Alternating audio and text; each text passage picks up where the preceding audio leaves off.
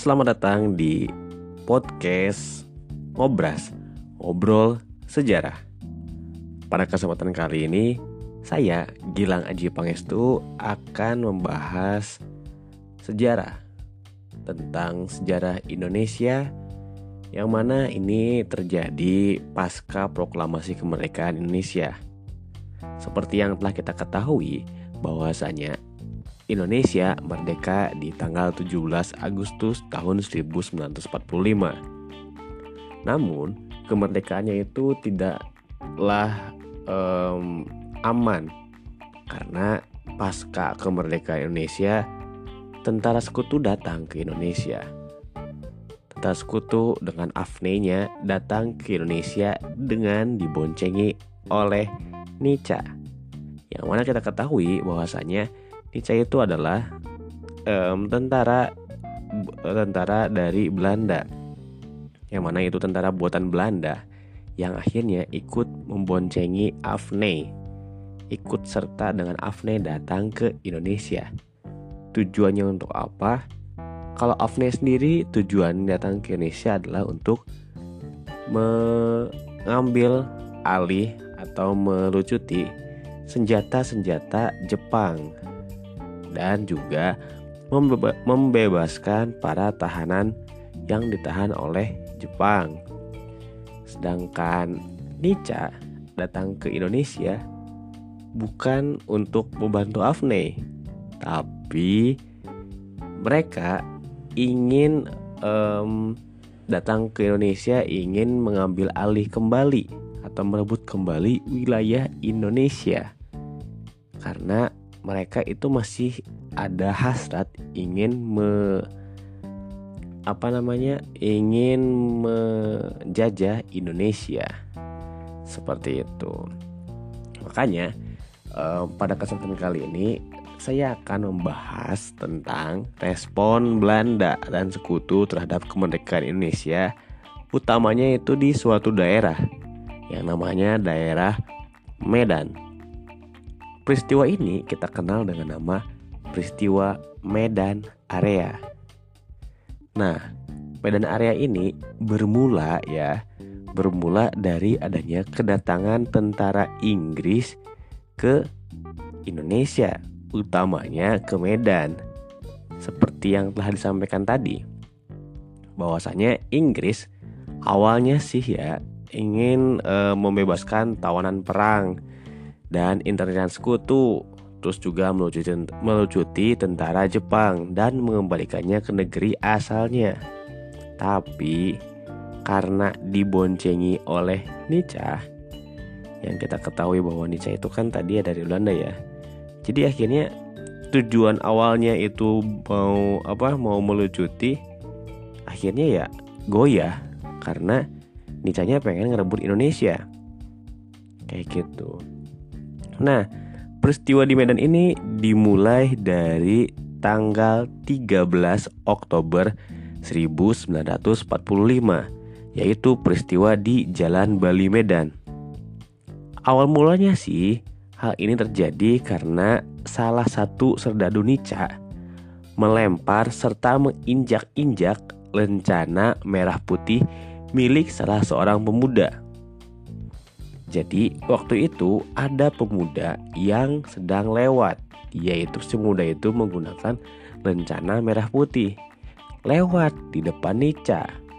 Tentara Nica lihat Wah ini anak muda. Masih bangga aja dengan Indonesianya.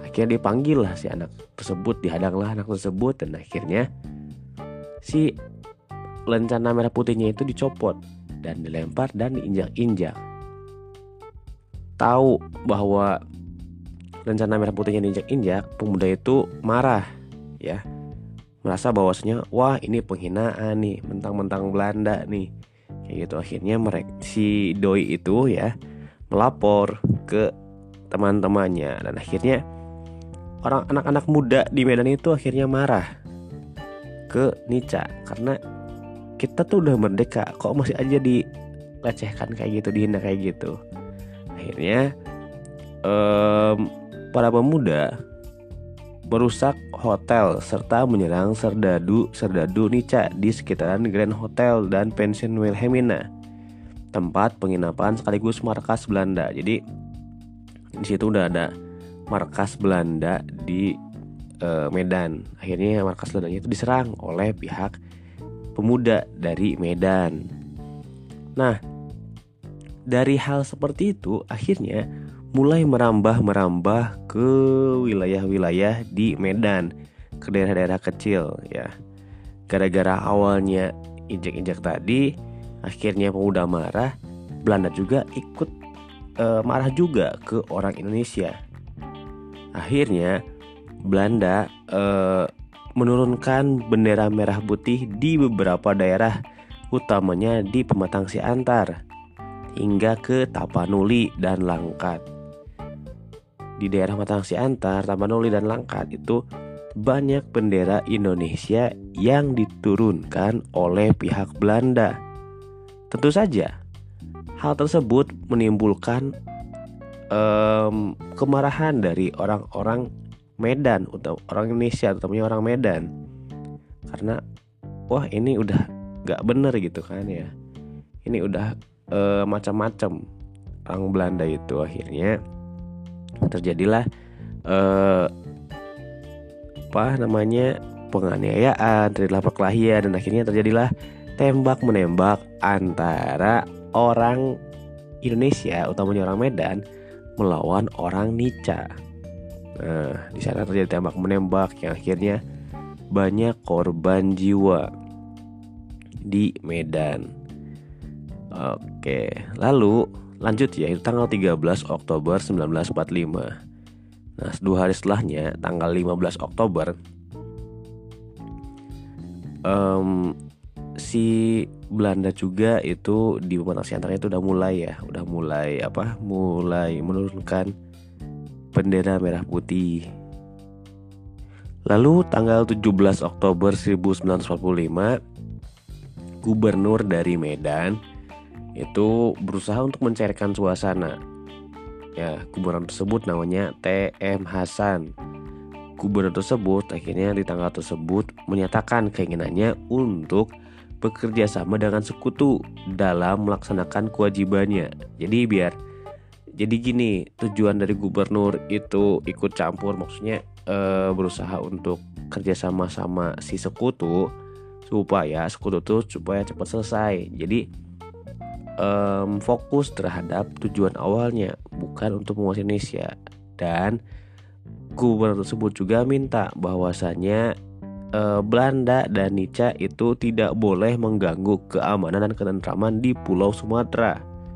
Dan ia juga menyatakan bahwa Sumatera menolak kembalinya Belanda. Kayak gitu.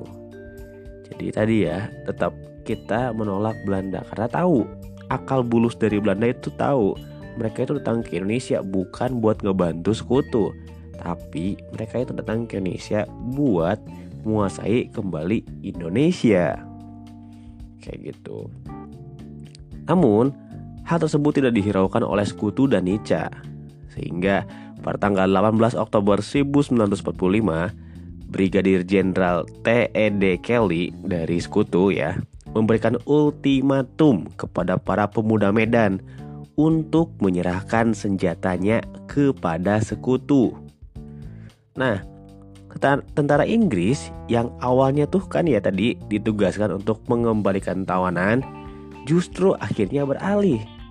Bukan lagi melucuti senjata Jepang, membebaskan tawanan, tapi akhirnya malah membantu si pihak Belanda untuk menjajah kembali Indonesia. Seperti itu. Jadi si sekutu akhirnya bukannya uh, fokus ke tugasnya malah ikut campur kayak gitu, ikut campur dengan Belanda. Nah, kayak gitu. Dan akhirnya di tanggal 5 November 1945 tentara Inggris juga akhirnya mengirimkan pasukan tambahan dengan tujuan untuk membersihkan unsur-unsur pemberontakan di daerah Sumatera. Pada waktu itu uh, terjadi banyak jadi ketika tentara-tentara Inggris mulai datang banyak-banyak kayak gitu ya. Mereka melakukan patroli ke patroli-patroli di daerah Sumatera. Tujuannya apa? Supaya eh, daerah Sumatera utamanya di Medan itu aman dari para pemberontak. Jadi orang-orang Indonesia itu para pemuda Medan itu dianggap pemberontak oleh pihak eh, sekutu. Padahal ya, kalau kita pikir-pikir, kita berontak dari mana coba? Kan itu wilayah kita, itu kan kita udah merdeka gitu. Mereka menganggap bahwa kita itu pemberontak. Seperti itu. Nah, karena tadi ya si tentara Inggris akhirnya mengadakan patroli, hal tersebut tambah bikin geram orang-orang Medan sehingga terjadilah peperangan antara pihak Medan dengan sekutu dan Belanda. Ya, peperangan terjadi karena merasa bahwa eh, Inggris dan Belanda sudah ingin menguasai daerah Medan karena kita sebagai orang Medan gitu harus memperjuangkan daerahnya agar tidak dijajah kembali oleh sekutu dan Belanda. Puncaknya itu di tanggal 1 Desember 1945 pihak sekutu dan Nica memasang papan-papan dengan tulisan Fix Bonderis Medan Area di perbatasan kota Medan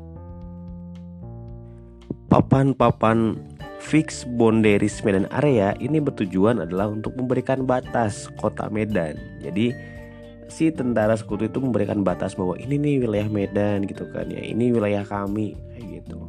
Hal tersebut tambah bikin marah pemuda-pemuda Medan. Karena apa? Wah ini wilayah kita udah di batas-batas nih, udah di papan-papan kayak gitu. Makanya akhirnya terjadilah pertempuran uh, yang sangat hebat antara sekutu dengan um, pihak pemuda Medan, warga Medan. Dan akhirnya inilah um, pertempuran yang kita kenal dengan nama pertempuran Medan Area. Seperti itu. Itulah pertempuran Medan Area. Pertempuran yang terjadi di Medan karena hal tadi diawali dengan adanya um, insiden penginjakan rencana merah putih, lalu tentara Inggris mulai tambah banyak dan pro ke Belanda. Belanda berusaha merebut wilayah Indonesia dan di puncaknya adalah adanya pembatasan oleh wilayah pembatasan wilayah oleh um, tentara sekutu yang akhirnya menyebabkan pertempuran yang dinamakan pertempuran Medan Area. Seperti itu. Itulah sekilas tentang Medan Area. Kita akan ketemu lagi di podcast selanjutnya yang mana nanti kita akan membahas materi lagi tentang sejarah Indonesia. Mau tahu tentang apa? Tetap simak aja di podcast konten Ngobras Ngobrol Sejarah. Terima kasih. Mohon maaf atas segala kekurangan. Saya Gilang J. Pangestu pamit. Wassalamualaikum warahmatullahi wabarakatuh.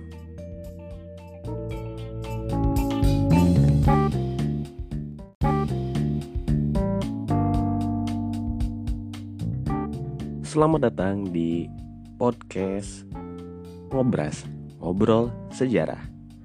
Nah, kali ini um, saya Gilang. Pangestu akan lagi membahas terkait materi sejarah di Indonesia, utamanya pasca kemerdekaan. Kalau di podcast sebelumnya kita ngebahas tentang peristiwa di daerah Medan, sekarang kita akan membahas sebuah peristiwa di daerah Jawa Barat, tepatnya di ibu kota Jawa Barat, yakni di Bandung. Ada apa sih di Bandung itu? Nah, di Bandung itu ya, jadi dulu itu ada suatu peristiwa yang kita kenal dengan nama peristiwa Bandung Lautan Api. Yang sampai sekarang nih peristiwa tersebut itu masih melekat dalam ingatan eh, orang-orang Bandung dan juga telah di apa namanya telah diresmikan atau telah dibuatkan sebuah lagu yang namanya yang berjudul adalah Halo Halo Bandung itu adalah lagu yang um, memperingati peristiwa Bandung Lautan Api. Selain itu juga di Bandung, tepatnya di daerah Tegalega, di situ ada monumen, monumen Bandung Lautan Api. Nah, bagaimana sih kiranya peristiwa Bandung Lautan Api itu? Mari kita cari tahu.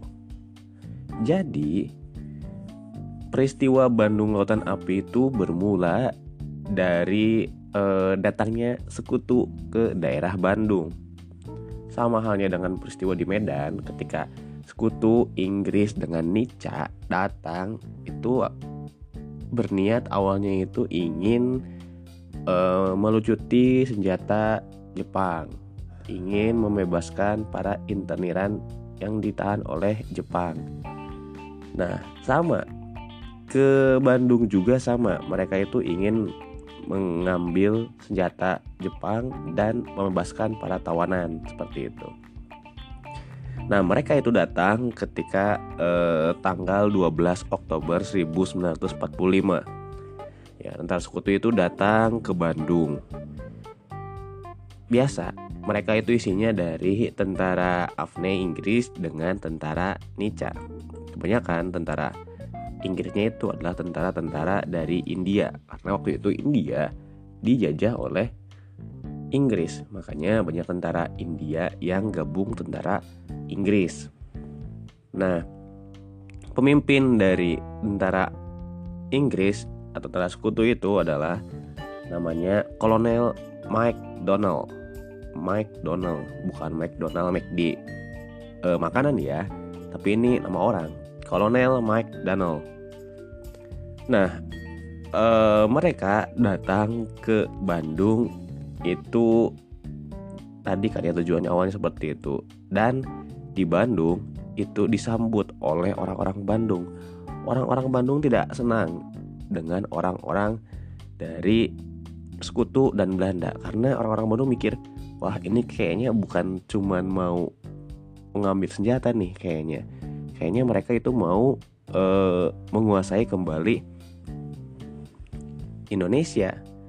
Makanya um, ketika itu orang-orang apa orang-orang Bandung itu melakukan serangan kepada pihak sekutu. Utamanya ketika itu orang-orang sekutu itu bermukim atau bermarkas di suatu hotel. Namanya Hotel Savoy Homan dan satu lagi di Hotel Preanger. Kalau sekarang hotel tersebut itu ada, masih ada sampai sekarang, masih ada bentuknya dan masih digunakan. Itu di dekat Museum KAA, Konferensi Asia Afrika tuh di jalan itu, di jalan KAA itu ada Hotel Savoy Homan dan Hotel Preanger yang dulu dipakai oleh markas sebagai markas oleh tentara Inggris. Nah, di hotel tersebut diseranglah oleh pihak Indonesia, utamanya orang-orang Bandung. Nah, karena penyerangan tersebut, ya itu terjadi tanggal 21 November tahun 1945. Atas eh, serangan tersebut, akhirnya Kolonel McDonald itu memberikan ultimatum yang pertama kepada pihak Bandung, pihak Indonesia. Pada tanggal 24 November tahun 1945. Kolonel McDonald memberikan ultimatum yang berisi memerintahkan Bandung Utara itu harus dikosongkan dari penduduk dan juga milisi Indonesia. Nah, jadi e, meminta bahwa orang-orang Bandung yang di bagian utara itu meninggalkan wilayahnya dan wilayah Bandung Utara dikuasai oleh pihak sekutu. Tapi orang-orang Indonesia tidak mau mendengarkan hal tersebut karena mikir, wah enak aja, kita udah capek-capek merdeka, sekutu dan Belanda pengen datang cuma ingin menguasai kembali gitu kan. Akhirnya orang orang-orang Bandung melakukan tetap melakukan perlawanan kepada pihak sekutu seperti itu. Nah, ketika itu Nah, ketika itu um, tanggal 25 November tahun 45 di Bandung itu sedang ada banjir. Sebagian daerah di Bandung itu banjir.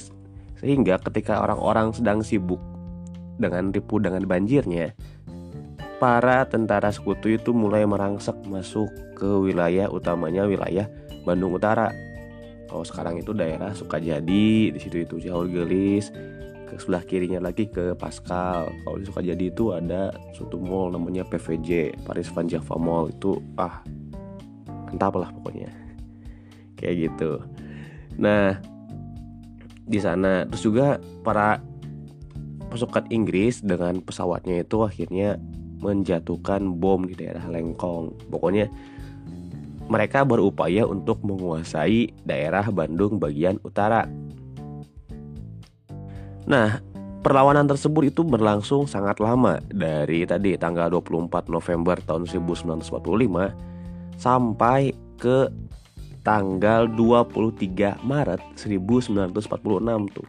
Berarti dari November, Desember, Januari, Februari, Maret hampir lima bulan itu tetap ada perlawanan dari pihak eh, Indonesia yang dikomandoi oleh Kolonel Abdul Haris Nasution atau Aha Nasution untuk melawan um, sekutu. Seperti itu. Jadi um, ketika ketika sekutu berusaha untuk mengambil alih wilayah Indonesia, kita tidak tinggal diam, kita tetap untuk uh, melawan si sekutu tersebut. Sampai pada akhirnya tanggal 23 Maret 1946 tentara sekutu itu mengeluarkan ultimatum yang kedua mereka bilang bahwa Bandung Selatan harus dikosongkan oleh rakyat oleh rakyat sipil dan milisi Indonesia. Jadi ketika awal minta Bandung Utara dikosongkan, sekarang minta Bandung Selatan. Intinya sih mereka ingin menguasai dua-duanya seperti itu, ingin menguasai seluruh wilayah Bandung karena wilayah Bandung pada masa itu itu strategis banget. Dan sampai sekarang kan Bandung menjadikan sebagai pusat pemerintahan di Jawa Barat. Kayak gitu. Makanya si pihak Belanda dan sekutu itu ngebet banget pengen menguasai daerah Bandung. Nah pada akhirnya si pemimpin dari Indonesia si Kolonel Nasution itu um, apa melakukan rapat ya melakukan rapat dengan pihak uh, pusat pemerintahan pusat yang ada di Jakarta yang waktu itu sedang dipegang oleh Perdana Menteri Sultan Syahrir. Nah bilang bahwa ini bagaimana pihak Belanda udah minta saja uh, apa minta aja minta aja untuk mengosongkan. Kalau dari pihak pusat itu bilang katanya ya udahlah ikutin aja lah gitu kan ya ikutin aja apa kata Belanda kayak gitu. Tapi orang Bandung nggak mau kayak gitu. Orang Bandung mikirnya bahwasanya wah ini tanah kita. Masa kita serahkan begitu saja ke mereka? Kayak gitu. Nah karena keadaan yang seperti itu jadi semua bingung kan ya. Hana Sution meminta kepada TRI yang ada di Bandung supaya udahlah kita ikutin aja. Gimana kata pusat kayak gitu. Cuman TRI dari Indonesia dari Bandung utamanya itu nggak mau. Nggak mau untuk uh, apa menyerah kepada sekutu. Akhirnya mereka melakukan suatu operasi yang namanya Operasi Bumi Hangus. Nah, keputusan tersebut itu diambil melalui musyawarah, musyawarah eh, suatu majelis yang namanya Majelis Persatuan Perjuangan Priangan atau yang kita kenal MP3, MP3 ya. Yang dihadiri oleh semua barisan perjuangan Nah, tindakan hangusan ini diusulkan oleh Rukana, seorang komandan polisi militer di Bandung. Nah, akhirnya Kolonel Nasution itu sepakat untuk um, melakukan politik atau melakukan operasi bumi hangus. Tujuannya untuk apa? Karena gini, kalau misalnya uh, Bandung nggak di bumi hanguskan dan kita menyerah kepada mereka, pada akhirnya Bandung akan digunakan oleh mereka oleh pihak sekutu sebagai pusat administratif sehingga lebih baik kita tinggalkan sesuai dengan pemerintah dan kita bumi hanguskan supaya emang Bandung itu lumpuh benar-benar nggak bisa dipakai kayak gitu Itu pendapat dari Majelis Persatuan Perjuangan Priangan. Sehingga pada akhirnya setelah itu mulailah orang-orang itu e, mulai mengungsi, mulai bersiap-siap. Semua data penting itu dibawa, semua data penting itu dibawa, sisanya itu ditinggalkan dan rumah-rumah orang-orang itu mulai dibakar oleh orangnya sendiri kayak gitu. Karena apa? Supaya menjaga agar wilayah Bandung tidak digunakan oleh pihak sekutu. Akhirnya sesuai dengan ultimatum yang disebutkan oleh Kolonel McDonnell bahwasannya tanggal 24 itu harus dikosongkan. Akhirnya benarlah. Tanggal 24 Maret tahun 1946 daerah e, Bandung bagian selatan itu dikosongkan ya. Dikosongkan dengan dibakar akhirnya.